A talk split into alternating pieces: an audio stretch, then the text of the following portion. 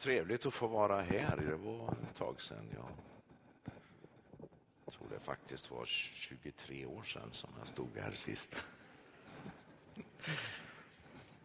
Ehm, jag har ju lite mina rötter i den här församlingen om man säger så, så att ehm, det känns väldigt roligt för mig att få komma hit. Jag är liksom, den här församlingen är en del av min, en tydlig del av min kristna vandring. Ytterst avgörande. Så det, det är jätteroligt att få komma hit till Lidköpings missionsförsamling och få... Så, är det bättre? Det går bra så. Ja, fint. Eh, idag så är det ju tredje söndagen efter trefaldighet och det är, är eh, temat är som Maria sa, förlorad och återfunnen. Och texterna, evangelietexterna är från Lukas 15 kapitel allihopa. Och då vet ni att det är tre, tre berättelser. Det är förlorade sonen, det är det förlorade fåret och det är det förlorade myntet.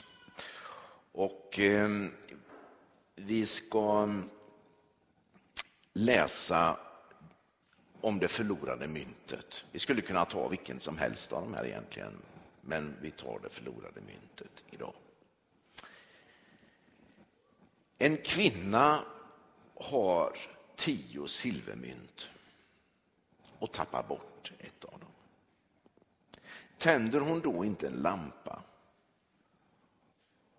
och sopar hela huset och letar överallt tills hon hittar det. Och när hon hittat det samlar hon då väninnor och grannkvinnor och säger gläd er med mig, jag har hittat myntet som jag förlorade. Och på samma sätt så säger jag er, så gläder sig Guds änglar över en enda syndare som omvänder sig. Och jag ber med mig. Herre, jag ber dig att du ska öppna ditt ord för oss. Jag tackar dig för förmånen att få dela detta ord med mina vänner här idag. Och jag ber att du ska välsigna oss var och en så vi förmår att uppfatta den finstämda ton, Herre, av nåd och frid som fullständigt strålar i den här texten. Amen. Det kanske är finns någon av er här som undrar samma sak som en av mina kompisar gjorde för ungefär en månad sedan, tre, fyra helger sedan. Vi satt nog och diskuterade religion i fyra timmar. Våra fruar tröttnade och gick. Och han är lite rolig den här killen för att han han är en sån där som diskuterar för rent nöjes skull. Va? Ni känner den typen. Det spelar liksom ingen roll vad man tycker, så tycker han tvärtom. Och, eh, jag kan förstå om det kan vara tröttsamt att höra på, men ibland så, så är det som att såna här diskussioner, de, eh, ibland så liksom leder om, det kommer ur någonting liksom där, om någon intar den här, om alla håller med varandra hela tiden, då, då blir det liksom ingen dynamik. Va? Så det var en bra, ett bra samtal tyckte jag, så här. även om det ibland blir lite så här jargong på det. Va? Men sen när kvällen kom, eller fram på nattkröken, de skulle åka hem och så stod vi i, i, i farstun så där på det där svenska viset och säger adjö en halvtimme till. Liksom så, så sa han så här, Anders, jag, alltså, vi har känt varann sedan vi var unga. Liksom. Och jag, jag måste säga, jag fattar inte hur du orkar. Alltså. Vadå, så jag, vadå orkar? Alltså år efter år, alltså. oavsett vad du livnär dig av, så försvarar du kristendomen. Liksom. Fast det är ju rätt mycket som talar emot dig i historien och du har ingenting bevisat och ändå håller du på. Ja, det jag undrar, sa han, vad är det egentligen som driver? Vad är motorn? Ja. Och jag fick ju naturligtvis en funderare, det får man då, liksom, man tänker och det var väl bra. Jag tänkte på det här länge. Vad är det som, vad är det som gör att jag som så, så lätt tröttnar på de flesta projekt jag drar igång med. Det, det sa man till mig också där, när, jag, när jag blev kristen. Så sa alla som kände mig, och det där kommer du ju hålla på och, och, och ett halvår och sen är det borta. Va? Och nu har det ju gått eh, 30 år. Va? Varför envisas jag hela tiden med att försvara min kristna tro? Ja, det är klart han har väl rätt i det. Det kanske inte precis är kyrkohistorien som gör det. Och, och, inte heller har jag naturvetenskapligt någon gång bevisat någonting i naturvetenskaplig mening om Guds existens och såna här saker. Jag skulle kunna ge en massa eh, fromma svar på det. Och, men då är det ju egentligen så att då förstår bara liksom min närmaste krets vad jag säger. De som redan de som så säga, har samma bekännelse som jag, de förstår vad jag säger om jag säger att Gud leder mig eller anden manar mig eller så. Och sen är det också så att i så fall så är det ju kanske då ingenting som jag själv är fullständigt medveten om och kan jag ju inte heller säga om det är till hundra procent sant. Tog en funderare till. Det finns, det finns många rent sakliga skäl att försvara den kristna tron och, och tala för den. Det första är naturligtvis Jesus som person. Och jag har haft många föredömen, föredömen och, och ledstjärnor under mitt liv. Politiska främst, men också filosofer och poeter, och konstnärer. Men som Nils Frykman skulle ha sagt, ingen så som Jesus finnes. Det är sant. Denne enkle man i stort sett okänd i sin samtid, eller hur? Jesus var inte världsberömd då. Han hade kanske tusental människor omkring sig som, som visste vem han var. Men 20 år senare så har hans tal, hans tankar, hans eh, hans lära om Guds kärlek och nåd och så vittnesbördet om hans död och uppståndelse spritt sig över hela det romerska riket. Drygt 300 år senare, om man vrider fram det, 300 år senare så kapitulerar hela imperiet med Konstantin den store i täten inför den korsfäste Nazaren. Och idag har han i runda tal 3 miljarder bekännare. Det är fullständigt outstanding. Totalt obegripligt om man jämför med alla andra stora män och kvinnor som har satt avtryck i historien. En annan sak är försoningstanken. Som den framställs av Paulus, den är fullständigt lysande filosofiskt, pedagogiskt. Det saknar motstycke i världshistorien.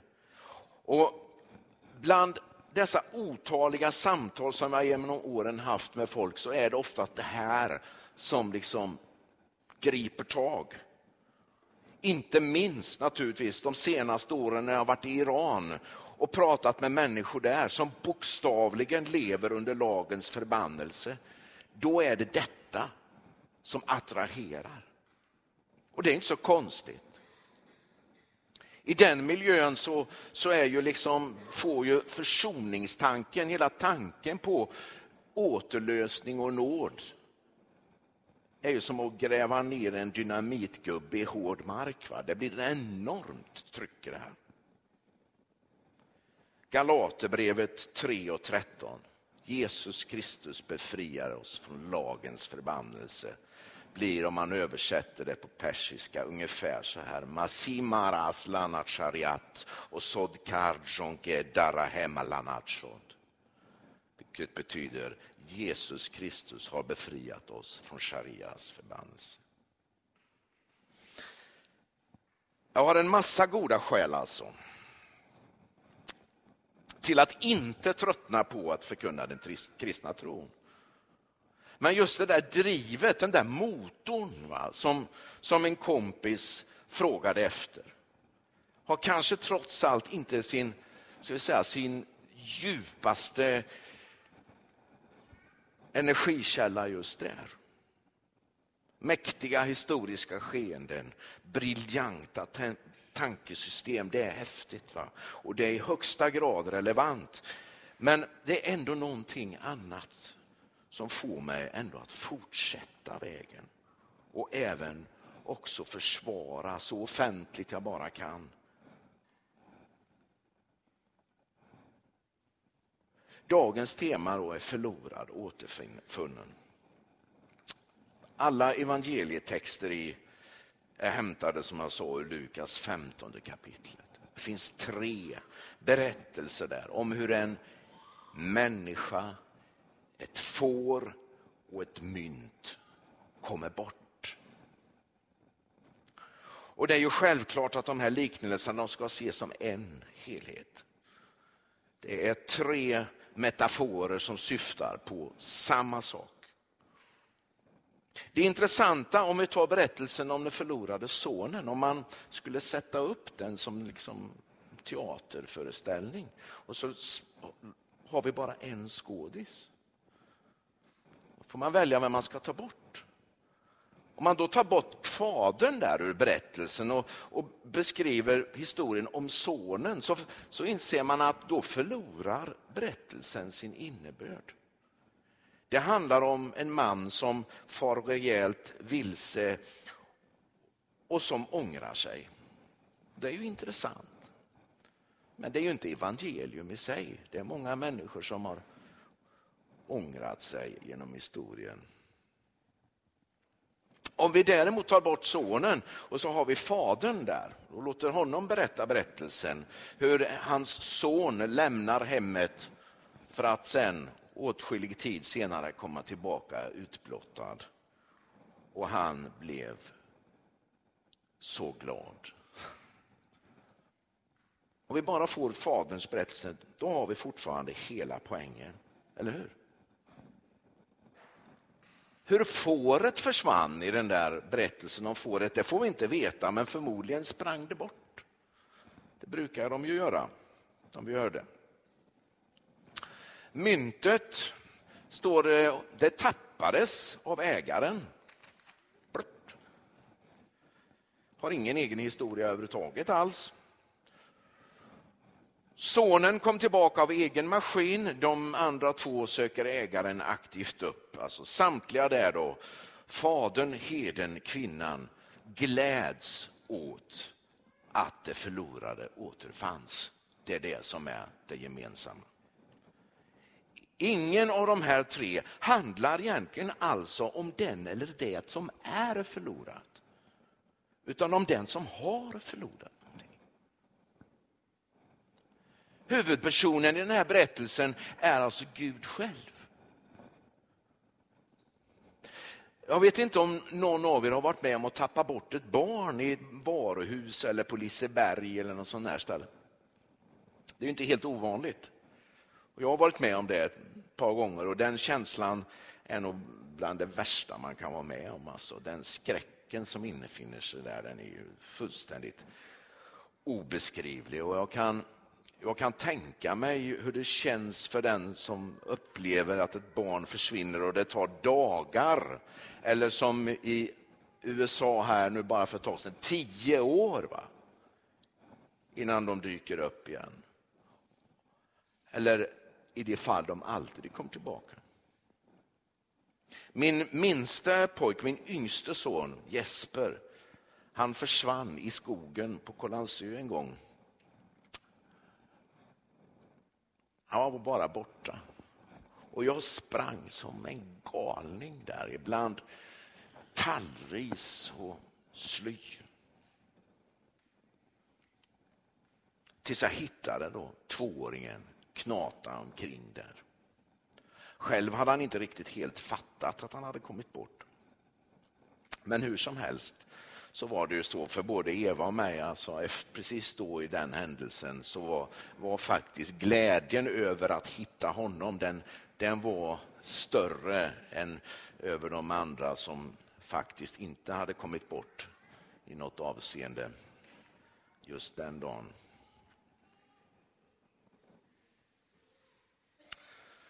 Jag kan säga det att under de första 25 åren av mitt liv så insåg jag nog inte fullt ut att jag saknades. Men upplevelsen av att bli funnen, av att Guds längtan efter att finna mig översteg min vilja att finna honom bevisade för mig en kärlek som jag inte trodde fanns. Jag har sökt och strävat efter många saker. Jag är 55 år gammal nu. Det finns många mål att uppnå under livet och en del människor skulle nog kunna säga att jag är rätt högpresterande i vissa avseenden. Jag, får jag en idé i huvudet så brukar jag få till det alltså, förr eller senare. I de flesta fall då, vid varje sånt här strävan så är, det, så är det jag som gläds över att jag har funnit det jag har sökt. Va? Det är en prestation. Jag är stolt och glad. Prestation är någonting som jag, som jag har åstadkommit. Men i fråga om Gud är det en helt annan sak. Va? Jag har naturligtvis både sökt och funnit Gud i flera avseenden. Men det mest avgörande är att Gud har funnit mig om och om igen. Jag har en hund hemma, eller jag har två hundar hemma. Men den, en mops som väger fem kilo och sen har jag en grandanoa som väger 60 kilo. Och det grandanoan som är intressant är en enastående vacker hund. Blå, grå, stålgrå päls, stålig blick, underbart temperament. Men hon springer bort rätt som det är, ibland flera gånger i veckan. Och Det är inte så att hon på något sätt flyr från oss, utan det är bara det att omgivningen är så full av spännande saker, förföriska dofter och mystiska ljud. Så det, det, bara händer. Och särskilt nu då under de här magiska sommarkvällarna ute på Kållandsö när det bara kokar av liv i buskarna runt. Grannarna tycker nog att jag borde ha bättre pli på den där hunden. Disciplin ska man ha.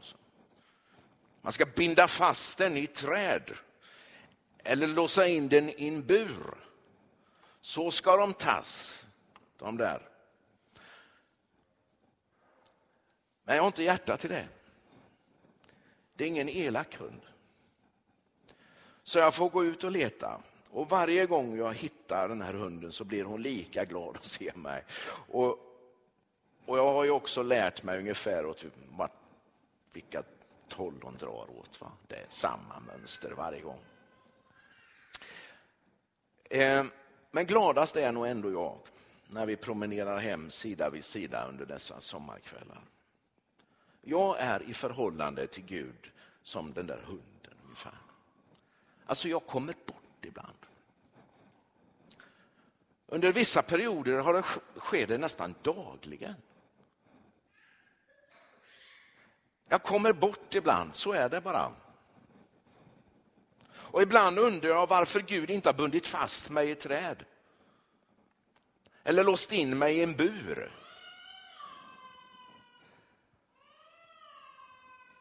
Eller bara låtit mig löpa och lagt energin på mer lydiga lärjungar som är bättre förutsägbara än vad Anders Blomberg är. Jag har ju funderat över de sakerna. Men sån är han inte, uppenbarligen. Sån är inte Gud. För det mesta har jag inte heller fattat att jag har varit på villovägar förrän han liksom bara stått där igen.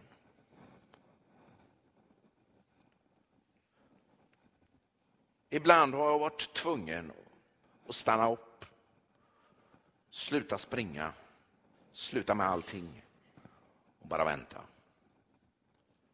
Vänta på den där ropande rösten. Och vid något tillfälle under livet så har jag fruktat att jag aldrig mer skulle höra den.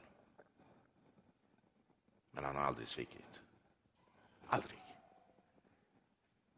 30 år. Han har aldrig svikit.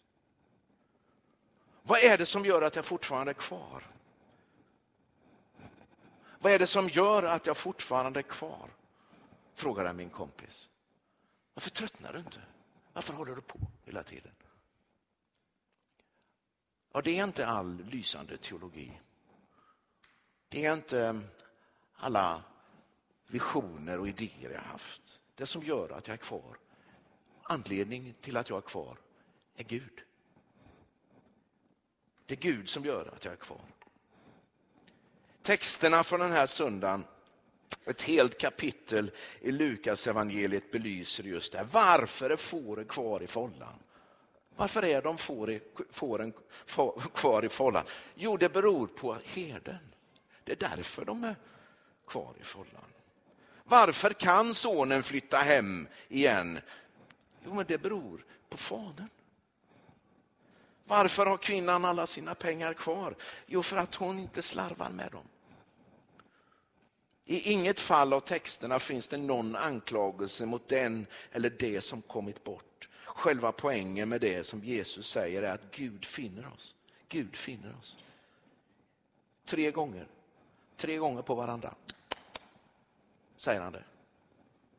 Och det är också det svar jag har på frågan varför jag aldrig tröttnar. Oavsett vad jag uppnår, oavsett vad jag lyckats med, oavsett vad jag misslyckats med, oavsett vem jag möter och var jag möter dem i denna komplexa värld.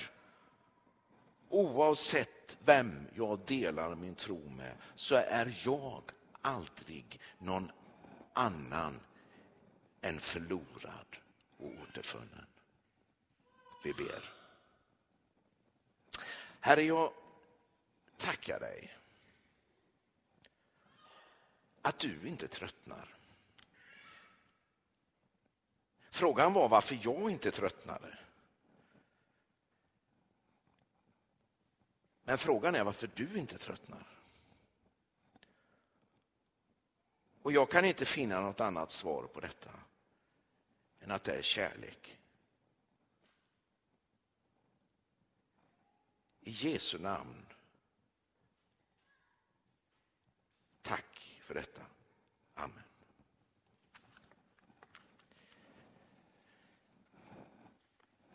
Nu ska vi sjunga en sång tror jag.